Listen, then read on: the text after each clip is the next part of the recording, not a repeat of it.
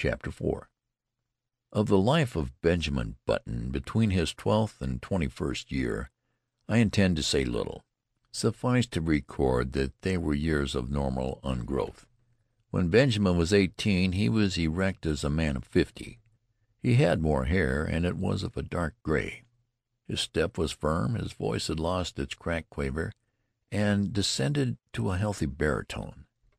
So his father sent him up to Connecticut to take examinations for entrance to Yale College.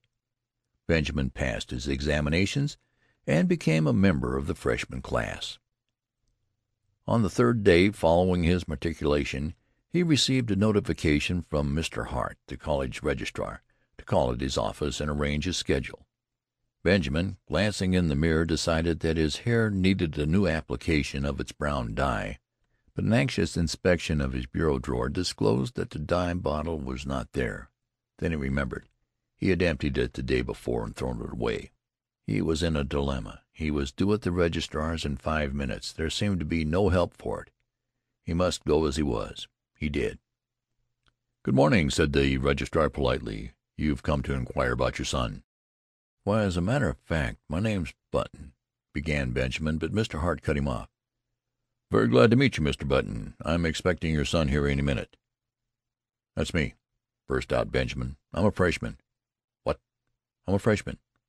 "Surely you're joking." "Not at all."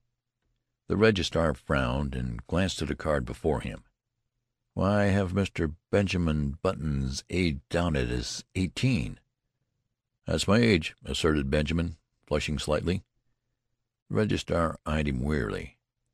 "Now surely, Mr. Button, you don't expect me to believe that."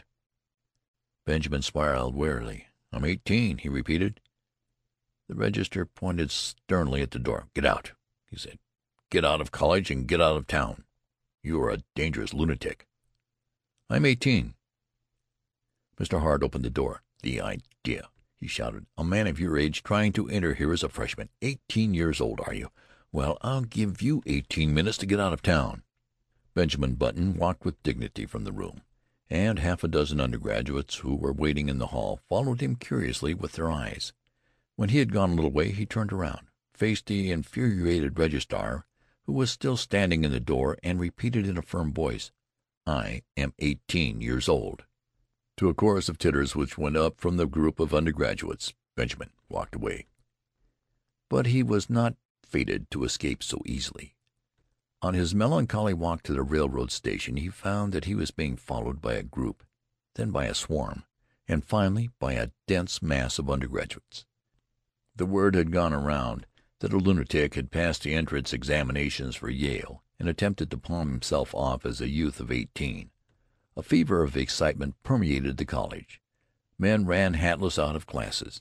The football team abandoned its practice and joined the mob. Professors' wives, with bonnets awry and bustles out of position, ran shouting after the procession, from which proceeded a continual succession of remarks aimed at the tender sensibilities of Benjamin Button.